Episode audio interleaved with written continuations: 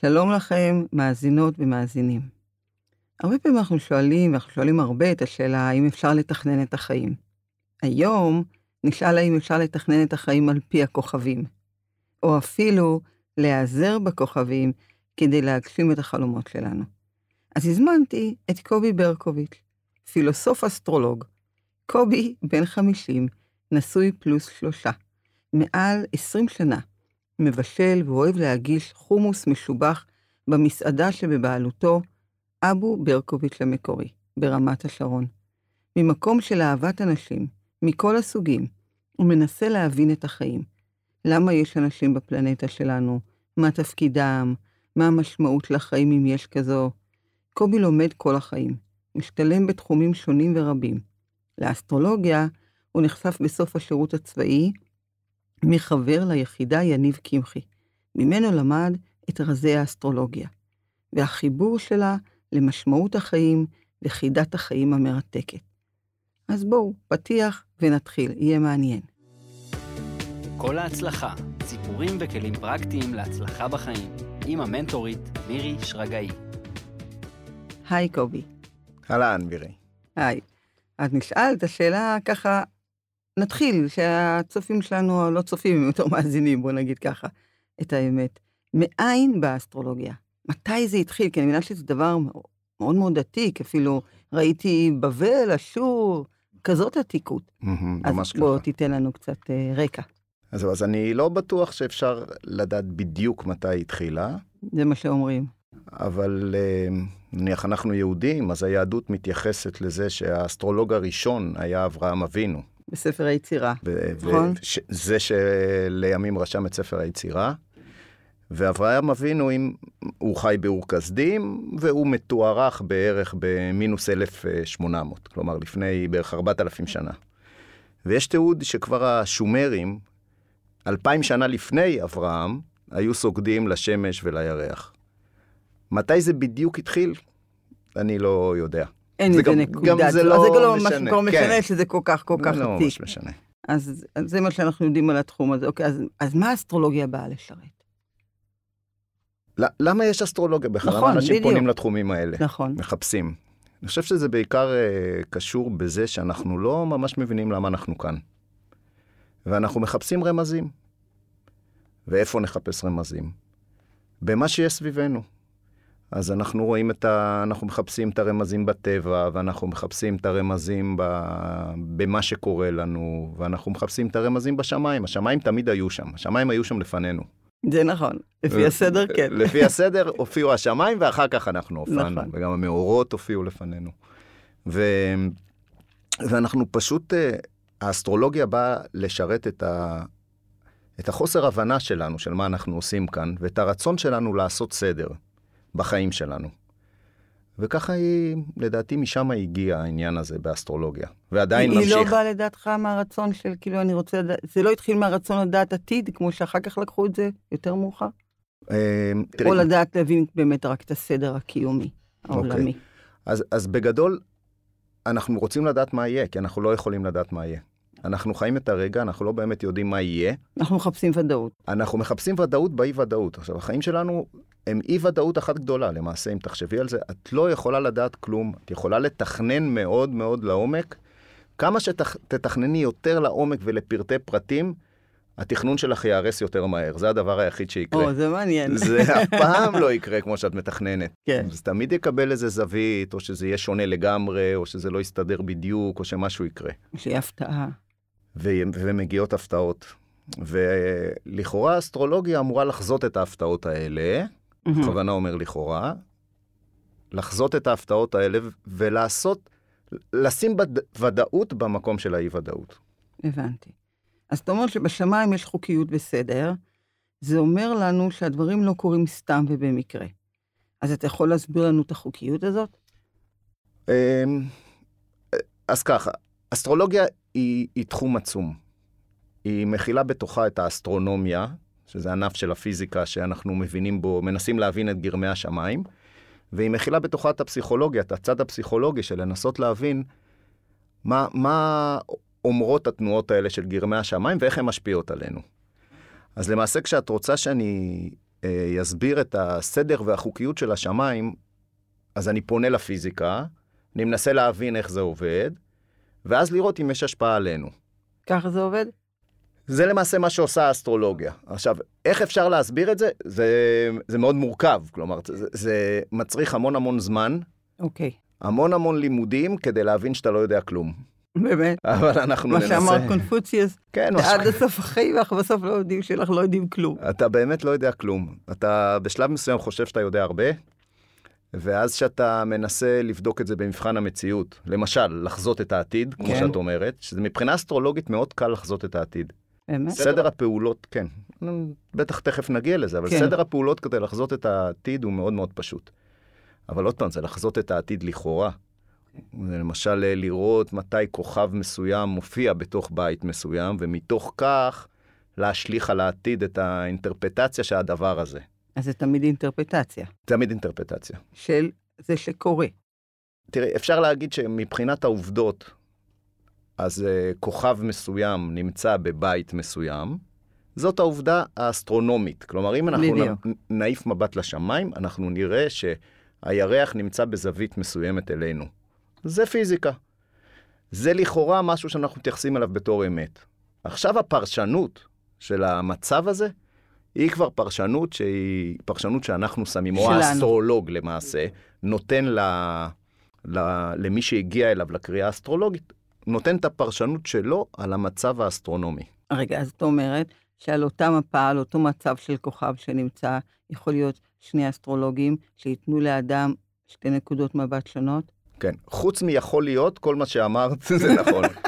ב- אוקיי. בוודאות. בוודאות. כן, זה מעניין. אותו מצב, על אותו מצב אסטרונומי, אסטרולוגים ייתנו... אבל זה פרשנויות בעצם כמו שונות. בחיים, שאומרים לך שאתה הולך לקחת עצת רב, אז אתה תבחר לך רב אחד, כי אם תיקח שניים, גם תקבל שתי עצות שונות. נכון, נכון? נכון מאוד. אז זה לא כל כך כזה מבטל את זה, זה רק מראה שאלה הם, אלה הם אנחנו, נכון, נכון? נכון מאוד. אז אתה שואל וחוקר, מה יחידת החיים?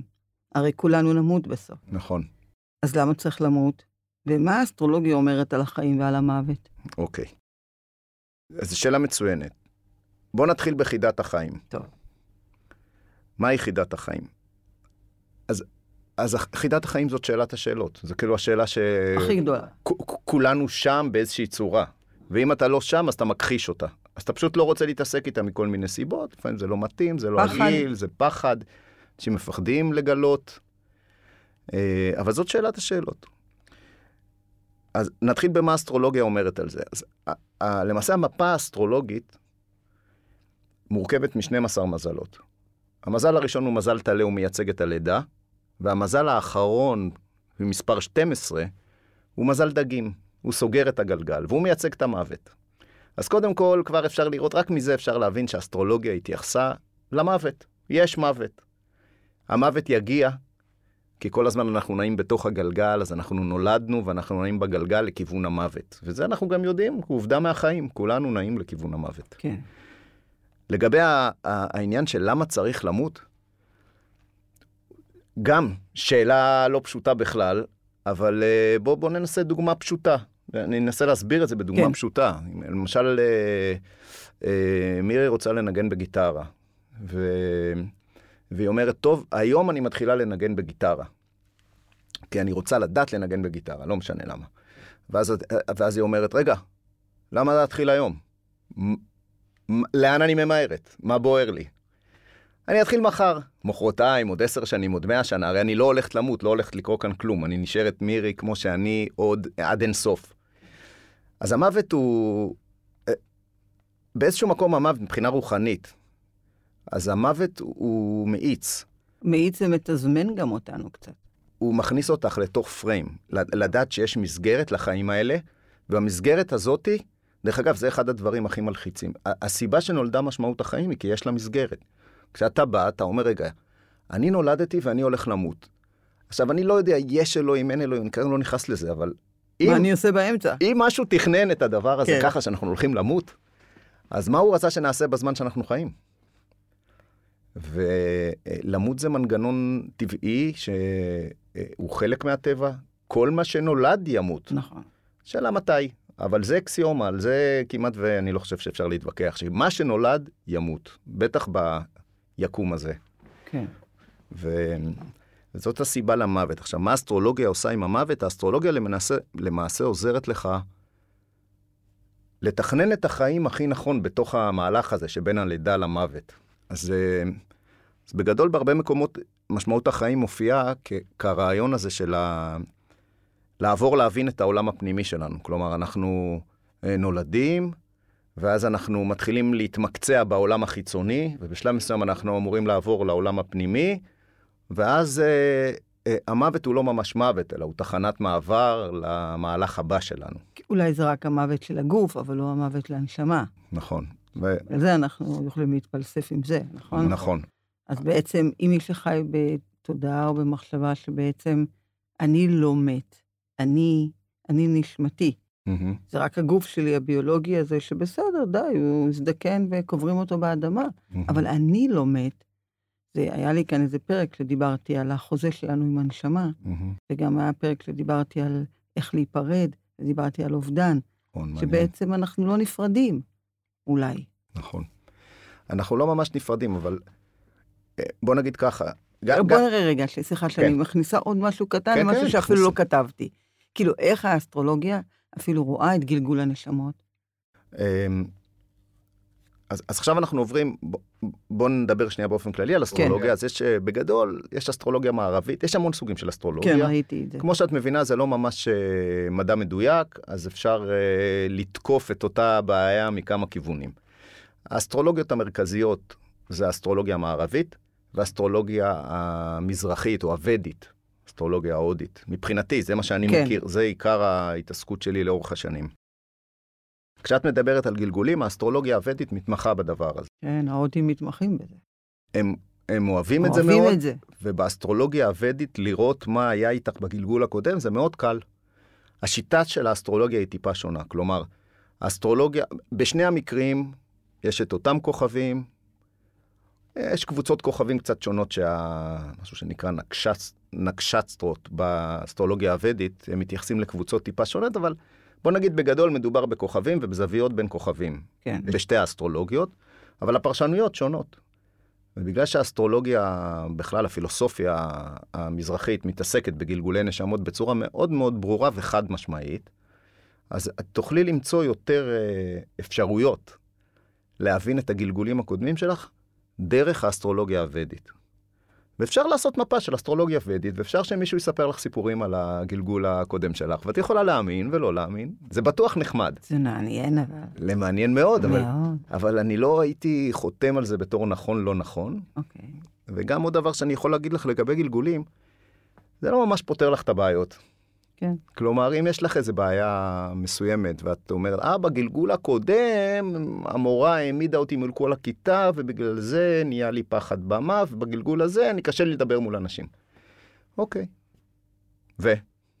אז מה, מה את רוצה לעשות עם זה עכשיו? אז זהו, אז כל הגלגול הזה, לכאורה, יש לך פטור מלעמוד מול אנשים, כי בגלגול הקודם איזה מורה העמידה אותך בלא יודע איפה. לפעמים שאנחנו יודעים, אבל סיטואציה מסוימת שקרתה לנו אפילו בחיים האלה או בחיים קודמים, זה עוזר לנו בעצם לפעמים כן קצת לפתוח את ה... את ה... לשחרר את הפחד. נכון. זה כן עוזר, זה כן. אתה יודע שכן היה לי את הבעיה הזאתי, והיא בעיה שהייתה, וזה לא אומר שזה חייב לחזור על עצמו. ואז אפשר לבנות כוח חדש על ה... אתה כאילו סוגר מעגל, נכון. וזה כן עושה טוב. תראי, האסטרולוגיה מדברת על זה שיש 12 סוגי טיפוסים, כן. ואחרי שאתה מבין את ה-12 האלה, אתה מבין שיש שילובים. עוד ביניהם, בתוך זה, בתוך כן. זה, ואז אתה רואה שיש שילובים משניים, ושלישיים, והלאה והלאה. בקיצור, זה אינסופי. פסיכולוגיה האנושית היא אינסופית, האסטרולוגיה בהחלט עוזרת לחלק מהאנשים. כן, נכון? ולחלק אחר ממש לא, ולחלק אחר היא ממש דוחה אותם, וחלק מסוים מוצא בה את אהבת החוכמה, את הצד הפילוסופי שלה, בדיוק. ואת הצד הפסיכולוגי לוגי שלה. שלה. נכון. יש לי עוד איזו שאלה כן. כאן, נעבור רגע לבין אישי, כן. אוקיי? במערכות היחסים שלנו יש מזלות שלא מתחברים טוב, נכון. ויש שכן, אז למה זה קורה? והאם זה תלוי רק במזל, או שתלוי בשיעור שלנו, כאילו, מול המזל, מול נכון. האדם? כן, זו שאלה קלאסית. כן? כן, בטח. אוקיי. זאת השאלה למעשה. זה כן. כי אנשים הלכו, דרך אגב, עד היום אה, המון המון זוגות שמתחתנים בהודו, אני לא רוצה להגיד כולם, כי אני לא יודע ממש נתונים, אבל המון המון המון זוגות ילכו קודם כל? לבדיקת התאמה אצל אסטרולוג. האסטרולוג מגיע לפני החתונה. אה, שמעתי שהאימא, האימהות דואגות אה, לבדוק שהילדות או הילדים הולכים להתחתן כמו שצריך, בדרך כלל זה התפקיד שלהן. זה לא כאילו שה- בהתאמות זה לא הנכונות? הזוג המתחתן הולך. כן. נגיד לפני עושים. שידוך, לפני שידוך הולכים לראות אם השידוך הזה מתאים. ובהודו זה מאוד מקובל ששואלים אותך מה המזל שלך. כן. אז אתה אומר מה, כלומר, זה ברור לך שזה הולכים אני לבדוק כמעט את כל אדם. שואלת אותו מה מה. מה המזל. זה, זה לא קשה להיפטר מזה.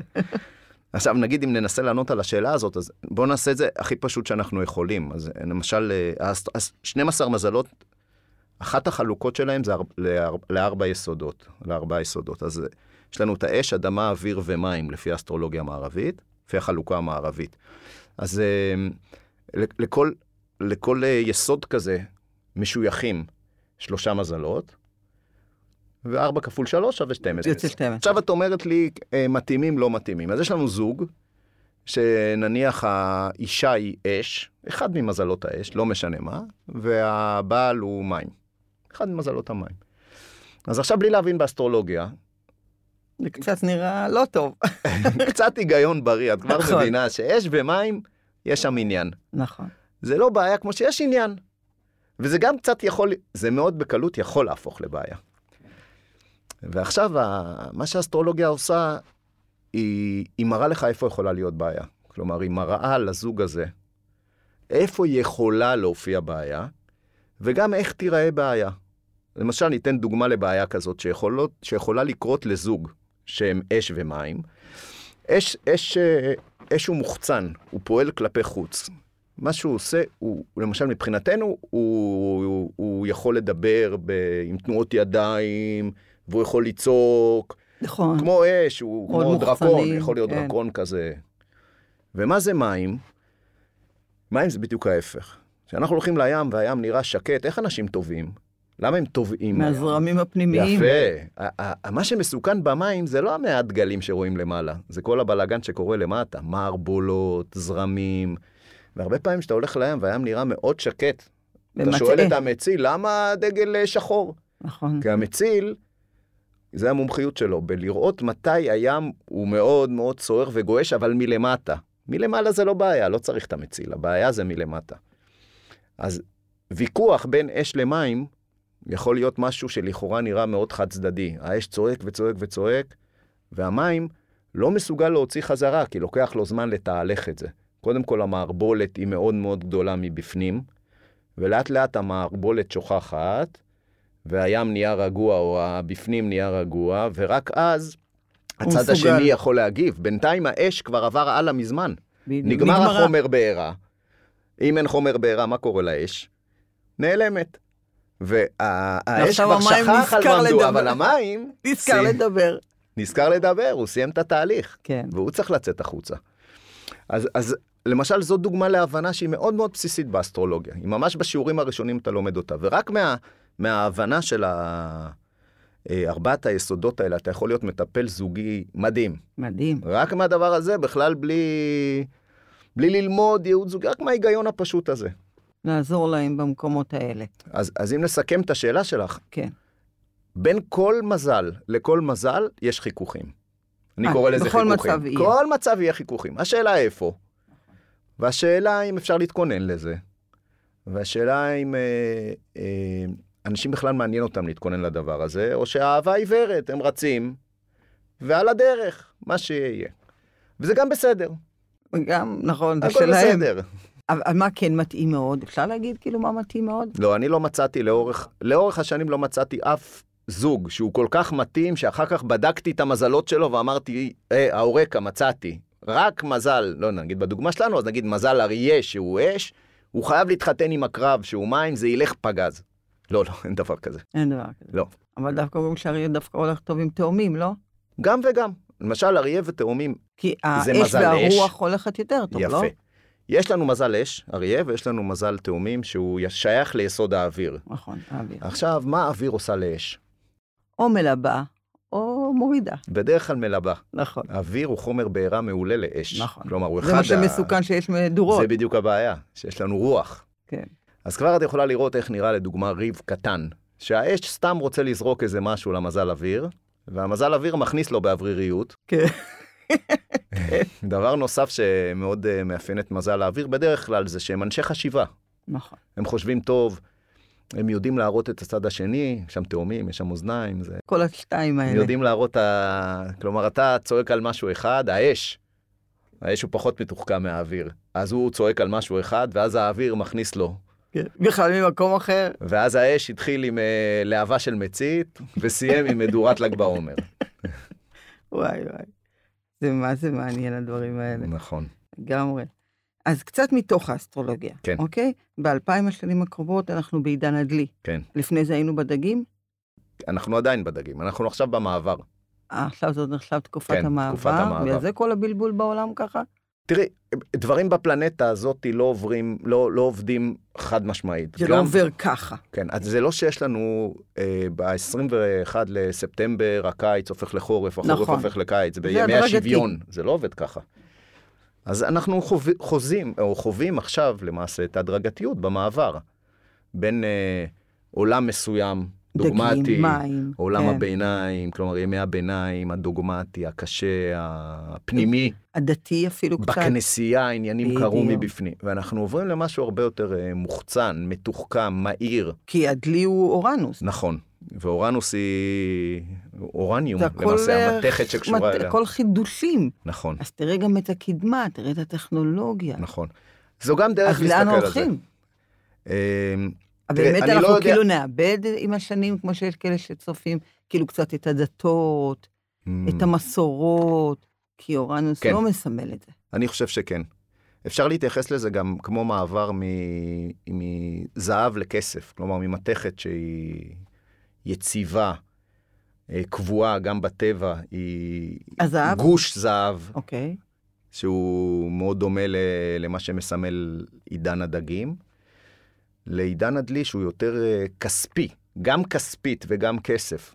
כן. שאם בטבע אתה מוצא אותם, אה, כלומר, אתה צריך אה, להפריד אותם, וזה לא גוש אחד, זה בדרך כלל אתה צריך, נגיד כספית, שנשבר מתחום פעם, את זוכרת איזה כן, בלאגן זה היה עושה? נכון. זהב לא עושה את הבלאגן הזה. אז הוא עושה קצת בלאגן? אז כן, עידן הכסף הוא... משהו מאופיין, הוא מאופיין בשבירת הדוגמות ובמהירות עצומה. הכל קורה מהר, זה באמת קורה מהר. וזה באמת קורה מהר. אנחנו, אתה אומר רק מתחילים. כן, אבל המין האנושי לאורך השנים, הרי עברו כמה עידנים עד היום, עברנו כמה כן, עידנים. נכון. אז המין האנ- האנושי הוכיח שהיכולת ההסתגלות שלו היא סופר מהירה. אני לא חושב שמכאן לתת נבואה לאפוקליפסיה או חורבן העולם, לא, לאו דווקא חורבן. יש בזה גם הרבה קדמה. הכל רק בסדר. זה חור, אולי חורבן למה שהיה. נכון. לתנאים אחרים שחיינו נכון. בהם, אבל... גם אם תסתכלי על עצמך, אפילו את חווה בחיים שלך את העניין הזה של, בוא ניקח רק את תחום התקשורת. נכון. כלומר, כשנולדת לא היה מחשב, לא היה, או היה מחשב לא אחד, טלוויזיה. טלוויזיה לא היה בכלל, את עוד בעידן שלא היה טלוויזיה, כן. אני גם, רק בילדות הגיעה הטלוויזיה הראשונה. והיום יש לך טלפון ביד, מחוברת לכל העולם. פעם היית צריך לנסוע לאיזה, ספ- לאלכסנדריה, לספרייה הגדולה, כדי לחפש ידע. ספר אחד על אסטרולוגיה וללמוד טיפה לאולי, לנסות להב... אולי. היום יש לך את הכל בטלפון, את לא צריכה כלום, את מחוברת נגיש. לגוגל, את מחוברת למה שאת רוצה, כמה שאת רוצה, את מחוברת לכולם, הכל מחובר לכולם. וזה אורנוס. מחוברים. וזה אורנוס? זה מאוד אורנוס. מאוד אורנוס. מה שיותר אורנוס בזה זה השינויים. כל הזמן יש שינויים, כל הזמן זה זז. אם זהב עם מתכת קבועה, אז אורניום או אורניום עם מתכת שכל הזמן משתנה, וזה הקטע שלה. זאת אומרת שמישהו, אה, אה, באופי שלו קצת, נגיד, האופי המזלי שלו אפילו, בוא ניקח מהמם. את זה כל הזמן כן. דרך זה, הוא לא כזה מהמשתנים הרבה. יש כן, מזלות קשה לו. כאלה? כן, בוודאי. אז אלה יהיו מזלות שיהיה להם יותר קשה יותר קשה. בעידן הזה. בי פאר. איזה מזלות הם? נניח אם ניקח את uh, מזלות האדמה, לדוגמה. יותר כבדים. נניח, כן. אז נניח uh, שור, uh, או גדי. הם מזלות, בכלל, uh, uh, הם, ובתולה. נכון. אז אלה מזלות שהם קצת יותר uh, כבדים בא, באופי שלהם. השינויים הם יותר איטיים, והם, uh, לוקח להם קצת, הם, בוא נגיד שהתקופה הזאת, היא, בעולם הזה, היא קצת פחות מתאימה למזלות האלה, אבל זה לא אומר שהם לא יצליחו. כן. בסדר, בטוח שגם היו בעידן הדגים כאלה שלא התאימו גם נכון. לזה. הם יצטרכו לכאורה לעבוד טיפה יותר קשה. קשה. תכונות האופי הבסיסיות שלהם מחייבות אותם טיפה יותר להתאמץ בהקשרים האלה של לאמץ טכנולוגיה. ולמי יהיה יותר קל? לרוח? לאוויר? האוויר הוא, הוא המשתנה האולטימטיבי. כן. כי להם הוא תמיד יהיה הכי למעשה קל. לא מחובר לכלום. כן. האש, כן, אבל, אבל עוד פעם, אם, אם הייתי יכול להגיד שאת מורכבת מיסוד אחד וזהו, 100% אה, מים או אדמה או אוויר או אש, אז אפשר היה לדבר ככה. ככה. אבל אבל אנחנו לא. לא כאלה. נכון, כי גם אתה אומר, נגיד, יש לי את המזל שלי, אבל יש גם את ה-ascended, את האופק, נכון? יש בך אז- הכל.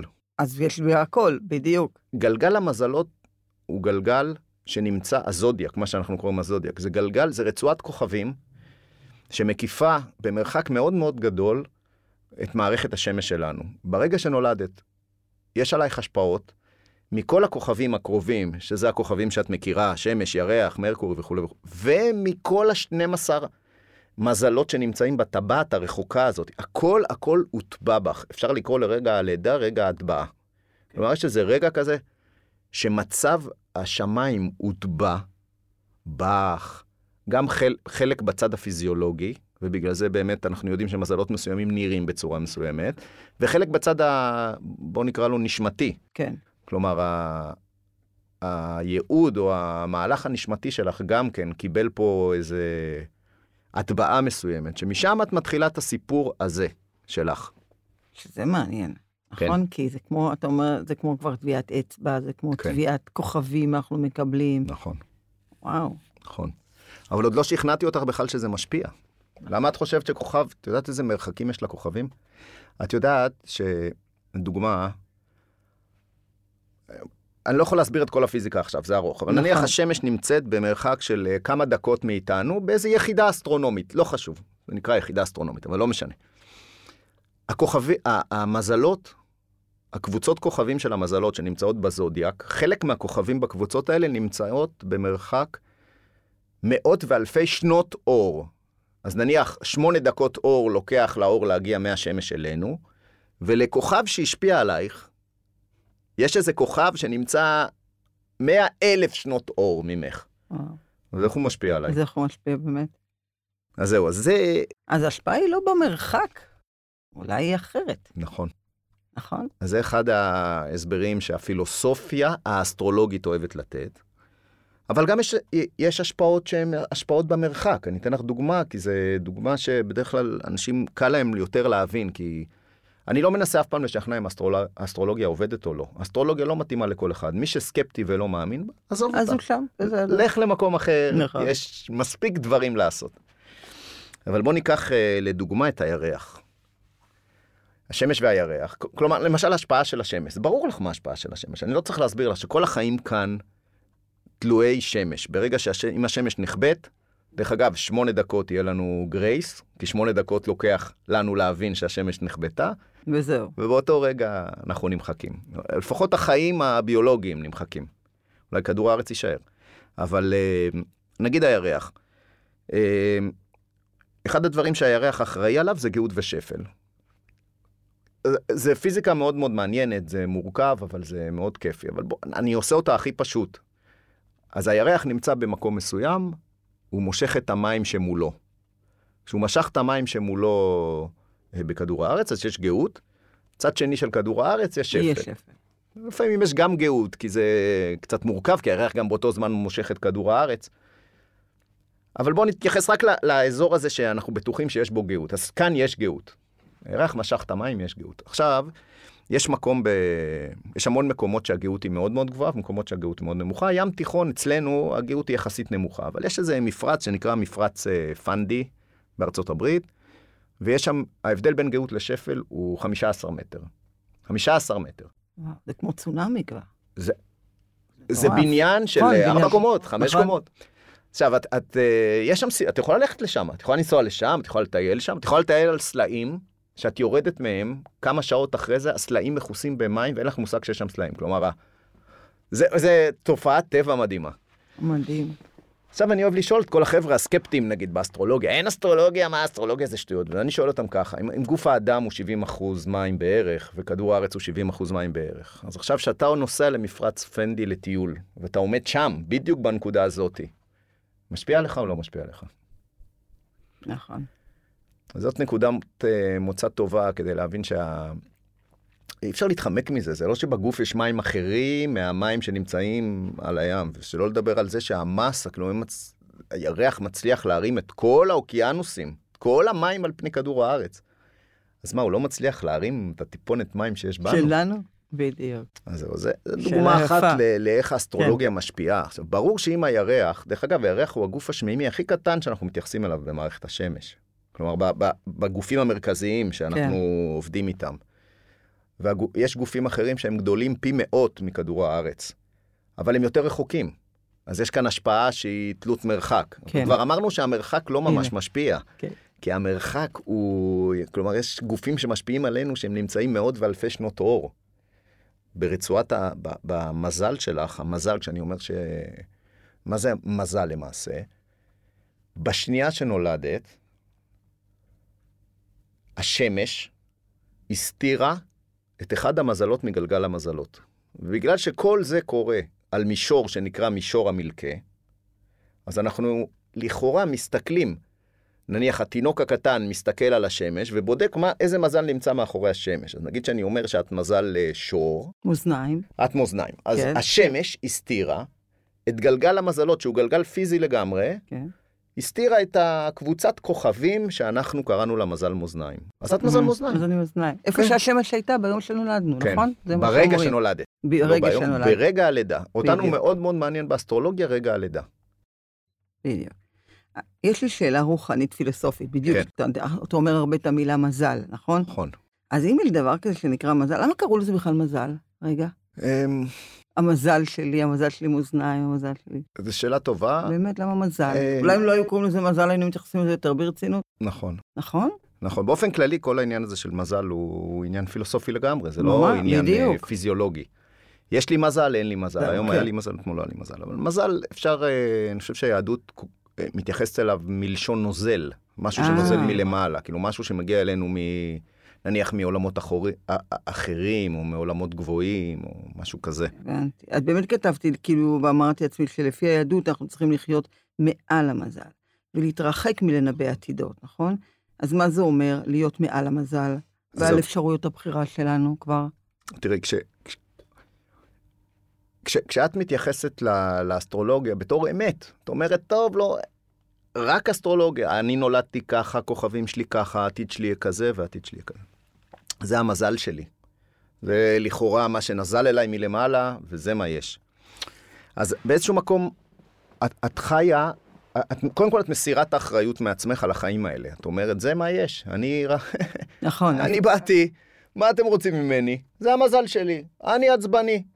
זה מה יש. מי לא שלא משתפר. טוב לו, בעיה שלו, גלגול הבא. אולי יהיה לי מזל אחר, ואני אגיע לכאן רגוע, רגוע. ומי שיהיה לו מזל להיות איתי בגלגול הבא, יכיר את מירי הרגועה. עכשיו זה רק מירי העצבנית. זה גם דרך לחיות את החיים, כמו שאת מבינה, זה דרך כן. שהיא מאוד מסירה את האחריות מהחיים שלך. אה, למעשה מה שאת עושה, את לוקחת את העולם הזה, או את כל, רצ... כל ההתרחשויות האלה שקרו פה, ואת אומרת, זה אני, אני העולם הזה, אני לא צריכה לעשות כלום, זה מה יש. אבל אני חושב שבאיזשהו מקום, כמו שאמרנו בהתחלה, אז העולם הזה, אתה מגלה מהר מאוד שהעולם החיצוני הוא מאוד מוגבל. כלומר, הוא יכול לתת לך לכאורה תשובות, אבל לא באמת תשובות. מהר מאוד אתה צריך לפנות פנימה. אתה מהר מאוד צריך לחפש, אה, מה זה מהר מאוד? זה לפעמים לוקח עשרות שנים כדי להבין שהתשובות נמצאות בפנים, ושמה באמת צריך לעשות מחר. זה לא משהו שהאסטרולוג יודע להגיד לך, זה רק משהו שאתה יכול להגיד לעצמך. אה, הכלים המומלצים זה התבוננות, התבודדות, מדיטציה, להקשיב לקול הפנימי, הבנה של איך האנרגיות עובדות בגוף. לדוגמה, רגשות זה אחד הקסמים הגדולים, אחד המקומות שמתישהו כל בן אדם חייב להבין את הרגשות שלו, או להבין איך זה עובד בגוף. מה קורה כשרגש מסוים מתעורר, מה זה אומר להרגיש. שם יש הרבה הרבה הרבה יותר קסמים וסודות והבנת העתיד, מאשר בלחפש כוכב מסוים שנמצא בנקודה מסוימת, בעתיד מסוים, ובגללו העסקה תצליח או לא תצליח. הבנתי. אז זה גם uh, חלק מהעניין הזה של מה זה מזל, ו... ולא סתם ביקשו מהיהודים להתעלות מעל המזל. כאילו להתאמץ. להתאמץ. כמו שאמרת בהתחלה, ש... לא זה מה יש וגמרנו, אני לא חייב לעולם הזה יותר כלום. נכון. תחשבי על אברהם אבינו, שאביו היה אה, מוכר פסלים. עכשיו, מה זה הפסל הזה? הפסל הזה זה סוג של עתיד, או משפר עתיד כזה, שאתה, אבא שלו היה מוכר הפסלים, הלא יודע, הגדול באור כסדים, אני יודע, כן. בטח האגדות אה, מנפחות כן. את זה קצת יותר ממה שהוא היה, לא בסטה של פסלים. כן. ו... ואברהם אבינו מתישהו הבין, בעזרה של אלוהים, שאין מזל לישראל, והעבודה היא עבודה פנימית. למצוא את אלוהים. הרי מה אברהם עשה? הוא לקח את כל מי שהאמין בהמון אה, אלילים או אלוהימים, וניסה ל, ללמד אותם שיש רק אלוהים אחד. ואיפה האלוהים הזה? בפנים. אז הוא ניסה להפנות את המבט שלנו מבחוץ, פנימה. וכשאתה מתעסק באסטרולוגיה, המבט שלך הוא כלפי חוץ, אתה מסתכל על הכוכבים, אתה מאשים את השמש, אתה כועס על הירח, הזווית הזאת טובה, הזווית הזאת לא טובה. זה שעשוע מאוד נחמד, זה חלק מהדרך שלנו להבין את העולם הפנימי, אנחנו מנסים להבין את העולם החיצוני, כי יותר קל לנו להבין את העולם החיצוני. אז בעצם אתה אומר שזה נכון, זה עולם חיצוני, אבל אם אני יודע לקחת את הכלי הזה ולהפוך אותו פנימה, כן. אז אני מציא ממנו את הבנפיט הטוב שלו, את מה שבאמת אנחנו יכולים לעשות עם זה. כן, האסטרולוגיה מאוד עוזרת לך לדעת הרבה. זה בהחלט מסביר. נכון, את, זה מסביר את, המון דברים. מסביר את הפיזיקה, זה גם מסביר חלק מנפש האדם. כן. למה אנשים מתנהגים בצורה מסוימת עם אנשים אחרים. בגדול, אסטרולוגיה שלומדים עם מורה טוב, היא עושה טוב לבן אדם. זה לא פוטר אותו מחידת החיים. זה לא פוטר אותו מלהתאמץ, זה לא פוטר אותו מלקום ולעשות, ולהיות ממוקד מטרה. נכון. זה לא כאילו, זהו, אמרו לי ודי. נכון. אבל זה שעשוע מאוד נחמד, אה. כיף, וגם צריך לדעת אסטרולוגיה, אבל גם צריך לזכור שצריך להסתכל פנימה, מה קורה שם. בדיוק. אז לפני שנסיים, אז מה זה הצלחה בעיניך, ומהו כל ההצלחה שלך, דווקא אישי הייתי רוצה לדעת. אה, יפה. שאלה טובה. אמ, במשך שנים אני, אני מנסה להגדיר את הדבר הזה לעצמי. אני כבר מבין שהצלחה זה מילה מאוד מורכבת. מורכבת גם ברבדים שונים. נכון. יש הצלחות שהן הצלחות פיזיות, יש הצלחות שהן הצלחות אה, פנימיות יותר, אה, יש הצלחות שלוקחות זמן, יש הצלחות שלא לוקחות זמן, יש הצלחות שהן מיידיות, אפשר למדוד אותן, יש הצלחות שאי אפשר למדוד אותן. נכון, אי אפשר לכמת את זה. אתה לא יכול לכמת אותן. החיים באיזשהו מקום זאת הצלחה שאתה לא יכול לכמת. אני חושב שהחיים זה משהו שאתה... אתה יכול להסתכל עליו בדיעבד, אני לא יודע באיזה מצב אני אהיה כדי להסתכל בדיעבד, ולדעת אם עשיתי נכון או לא עשיתי נכון. מה שכן אתה יכול, זה לתת את המקסימום. לעשות הכי טוב שאתה יכול, כמה שיותר, כולל לעצמך וכולל לאנשים מסביבך. וזה בהחלט חלק אה, ניכר מה, מההצלחה מבחינתי. כן? אז למה אתה עוד מצפה להשיג, אולי להצליח? החלום שלי זה לדעת מה המשמעות החיים. זה החלום שלי. אני רוצה לדעת מה זה הארה, אני רוצה להבין אה, אם בודהה היה מואר, אם אברהם אבינו היה מואר, מי זה משה הזה בכלל, שמשה רבנו, שכולם מדברים עליו. אני חושב שאני חותר לשם. אני מנסה להבין את ה top. איזה איך אתה מנסה להבין את זה? כל דרך אפשרית. מה, לומד? מה אתה עושה? Uh, בגדול אני, אני מאוד מאמין בעולם הפנימי שהוא מקרין על עולם חיצוני. ולא להפך. כלומר, אני... אה, אני חושב שהגיידנס, או ה... איך להגיע לשם, זה משהו שקורה לי ביום-יום, והעולם אה, למעשה מוליך אותי. מוליך אותך. הוא הגורו שלי. העולם הזה הוא הגורו שלי. אפילו שיש לי גם גורו פיזי. אבל הוא בעצמו מלמד אותי את הדבר הזה, אז, אז אני מבין ששם נמצא המסתורין הגדול. יפה. שמתם לב? לא אמר פה איזה מטרות אה, חומרניות, עניינים. הוא רוצה להבין את העולם, הוא רוצה לדעת להיכנס פנימה, תשובות בפנים, גם אצלכם, הכל בתוכנו. אה, אין הרבה מה לחפש בחוץ. אז בסיכום אני אגיד ככה, בהתקשרות המוקדמת שלי עם קובי הוא כתב לי ככה: מירי, מעניין איזה תשובות היקום ישלח לנו. לפי רמת השאלות נראה שיהיה מעניין לשנינו. אז קובי יקר, היה לי מאוד מעניין, ואני מקווה ואפילו בטוחה שגם לכם. אין ספק שזה נושא מאוד מרתק. תודה שבאת, שנתת לנו לגעת קצת בכוכבים, ולהבין אולי משהו, אם כל אחד מכם ייקח את זה לאן שהוא ייקח את זה. וכמו בשיר של יגאל בשן. יש אמת בכוכבים, כך אומרים החברים. כוכבים לא משקרים, אם נאמין. אז את זה אני משאירה לכם לבחור, להאמין, לא להאמין. מאחלת לכם את כל ההצלחה, להתראות.